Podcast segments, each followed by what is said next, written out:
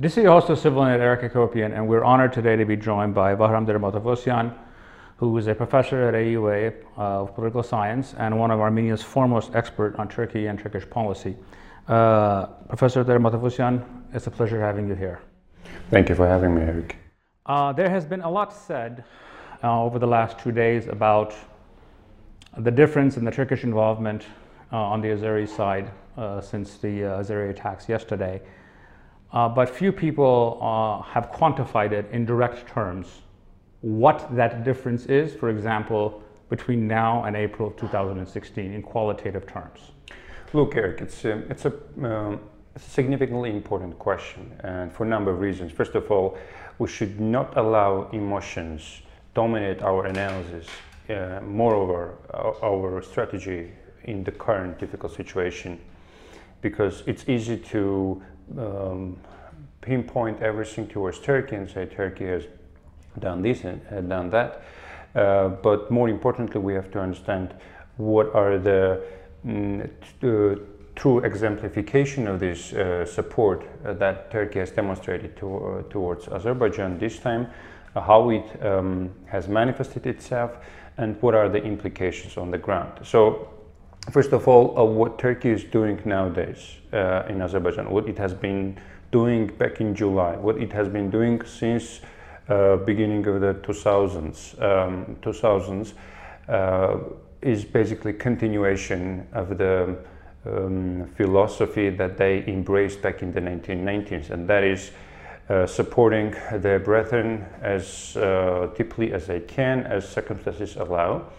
And now what we see here is um, an extension of that um, policy uh, in a much more accentuated sense, uh, where we see that also Turkish regional um, regional uh, ambitions have coincided with Azerbaijan's uh, warmongering, flamboyant politics, and as a result of this, we see more um, more Turkish presence um, in the in, in, the political decision making, strategic support, and uh, and also psychological support that Azerbaijan is getting.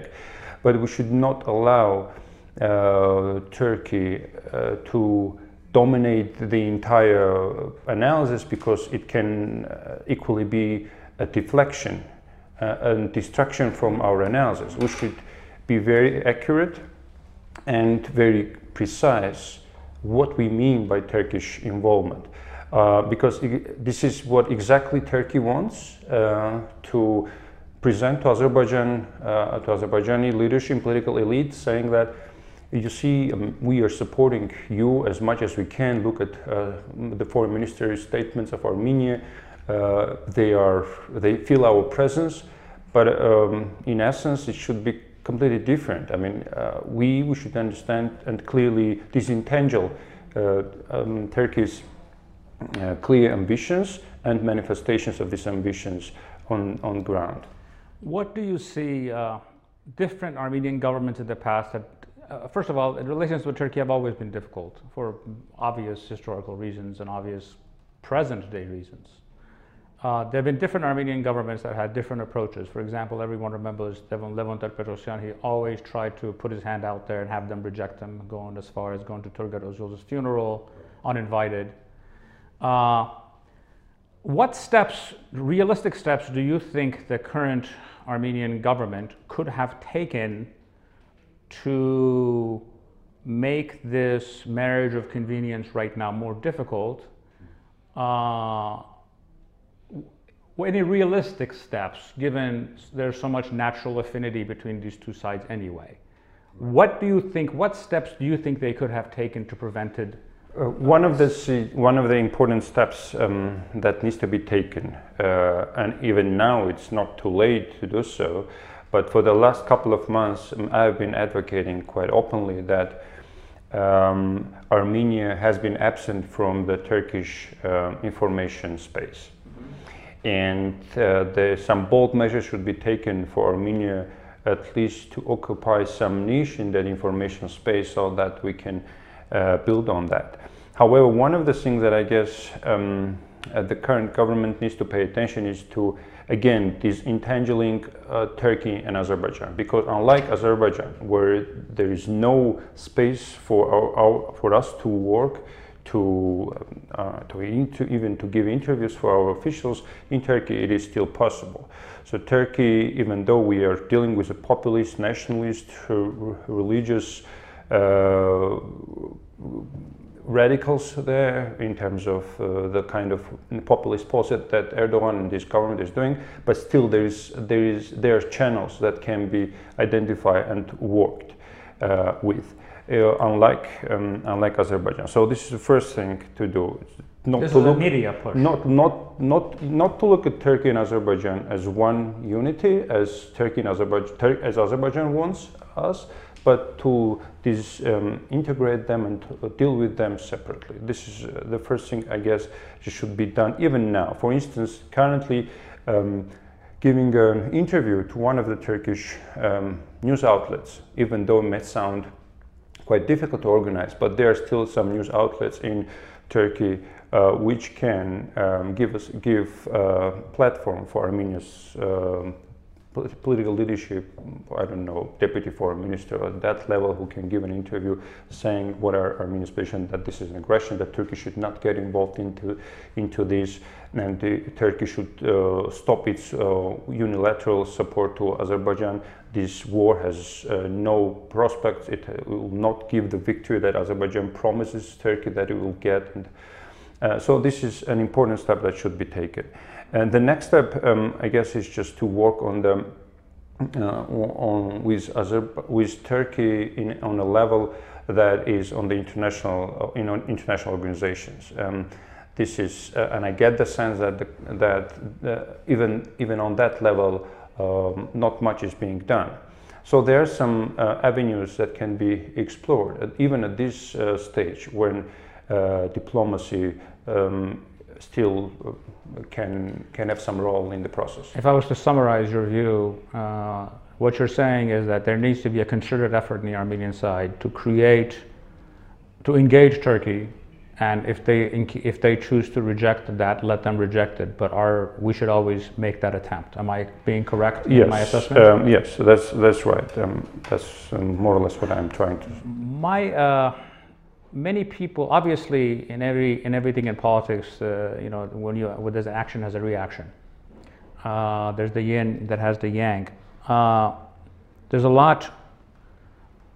There's there's history between this current Azeri leadership and Turkey, and it has not always been a good one. In 1995, I believe, Aliyev's father came to believe that uh, Turkish agents were trying to overthrow him. Uh, now, to what extent do you think Aliyev's marriage of convenience with Erdogan has to do with his weaknesses rather than with his strengths? And what dangers do you see in the Erdoganization of Azerbaijan for the Aliyev clan? And obviously, their primary interest is to continue the rule. Look, uh, whatever country uh, you are looking at history, when, whenever you see um, an upsurge of aggressive um, um, uh, positioning in foreign policy, it means that domestically there is either an elite insecurity, a regime insecurity issue, uh, or there is domestic instability that uh, the, the leaders of that countries are trying to silence by uh, displaying aggressive rhetoric on foreign policy. The same is also here in Azerbaijan. So what Aliyev has been doing um, since July at least uh, is kind of policy choices that at least uh, Armenians are not very much uh, used to see uh, in the past. Uh, Aliyev um, becoming um, more um, Aliyev's policy and choices and acts and deeds are becoming more hectic. Sometimes it's little, his steps make little sense.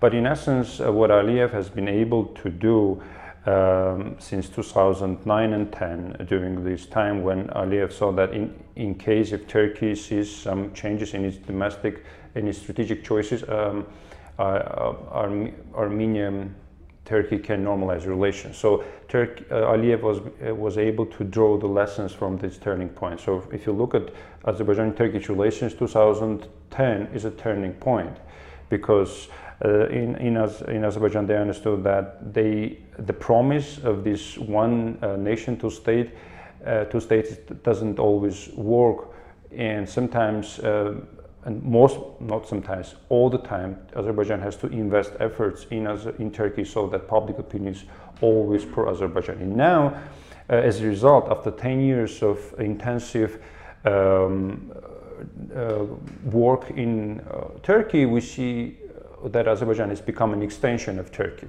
as a matter of fact. Uh, it's an attachment to this uh, Turkish um, uh, nation building, nation state, because uh, all these previous nation building uh, projects that Azerbaijani government has tried to do in the 1990s, all, the, all of them failed. Now they're trying to find this um, strong um, uh, pro-Turkish uh, stance on different levels of the nation building um, in Azerbaijan and this will lead to another um, process which is difficult to, um, to foresee its complete results because now we are, we are dealing with a complex society. Azerbaijan uh, is not an easy um, society in terms of its uh, social layers, its ethnic composition, uh, its difficult uh, relations with uh, neighboring states. Um, so it's, um, it's not a done deal. Azerbaijan and uh, the history, the future will tell how uh, how um, Aliyev maneuvered and navigated in these difficult times. Obviously, one of the great impacts of this shift towards Ankara by Baku, which is very significant, and also he has taken some very strong anti-Russian, very hostile, questioning positions uh, on countless different things. Uh, and I'm, I'm wondering how wise that really is, given the fact that, one, at the end of the day, the Caucasus are far more the Russian backyard than a Turkish one historically, and the Russians have far greater interests here. And uh, unlike uh, Erdogan, who is you know, involved in seven different countries and frankly failing in most of them, when Putin has decided to act decisively, whether it was Crimea, whether it was Syria, uh, uh, he has been successful and ruthlessly so, and has acted boldly. How smart is it? You know, there's an old Armenian tale uh, about the you know, you don't play with the lion's tail. Is Aliyev playing with the lion's tail? And one of the reasons I ask this is people, a lot of people don't notice, but a few days prior to this war starting, there were these war games which involved Armenia, uh, Armenian, Chinese, and Russian troops. And the war games were a simulation of an invasion of Azerbaijan. Uh, obviously, someone is trying to send someone a message. Uh, those are not leaked because uh, they're, they're careless. Is he playing a dangerous game by doing this? Um, in order to answer that question, I guess I have to, we all have to make one step back and try to see uh, what's going on between Azerbaijan and Turkey and uh, Russia um, from a little bit different perspective. And that perspective has a lot to do with your previous question, Eric. Um, what is Azerbaijan gaining and losing out of this? So what Azerbaijan fails to understand, uh, uh fails to understand um, that uh, they became a puppet in the hand of Turks in the, in the struggle for the regional dominance. Uh, they think of themselves, Azerbaijani leadership, that they're so powerful, so strong, that they made so much difference in the region that they, they, they are independent players. They are wrong on number of accounts. Uh, this region uh, has, has been a region of uh, struggle for three powers in the region, Iran, Turkey, and, and Russia. Uh, since the beginning of the 19th century, Russia uh, set the accounts uh, with, uh, with the two, and now Turkey is just trying to revise. Um, and the best way to do so is to push Azerbaijan to do what Turks want to do in the region. And that's, that's the history has been has showed for the last 30 years that that policy failed and it's going to fail again and again because uh, uh, Armenia understands that very well. Azerbaijani leadership doesn't understand that quite well, and but Russia also understands uh, the strategic implications of these continuous um, escalations. And what we see, what reaction we see from Russia uh, is, um, is an extension uh, and new manifestation of the previous policies that this region has a strategic importance for Russia. And for that reason, if, the, if this is a strategic region, uh, region for Russia, it is uh, our homeland.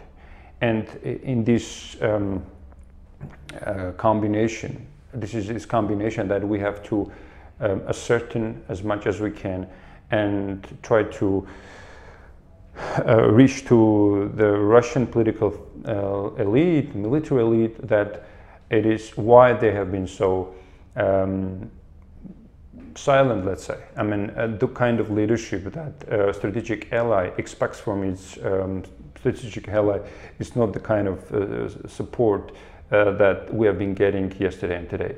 And on, on another important question, Eric, this is very important, the position of Georgia.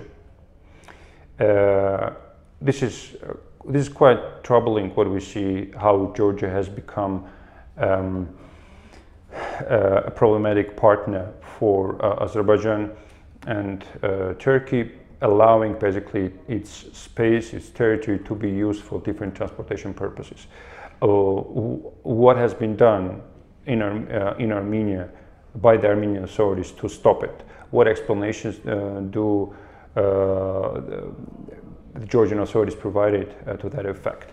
Um, are we seeing the manifestation of the decades of close cooperation um, between Turkey, Azerbaijan, and Georgia, or Georgia needs an assistance uh, from Armenia, some kind of assistance, so that uh, Georgia will not be uh, compelled uh, to provide this assistance that it's providing to um, Turkey and Azerbaijan. These are some hard questions, and um, Georgia is uh, obliged by some uh, treaties, uh, trilateral treaties um, uh, that it has signed with Turkey, Azerbaijan, some military drills and strategic cooperation uh, uh, treaties with Turkey and Azerbaijan.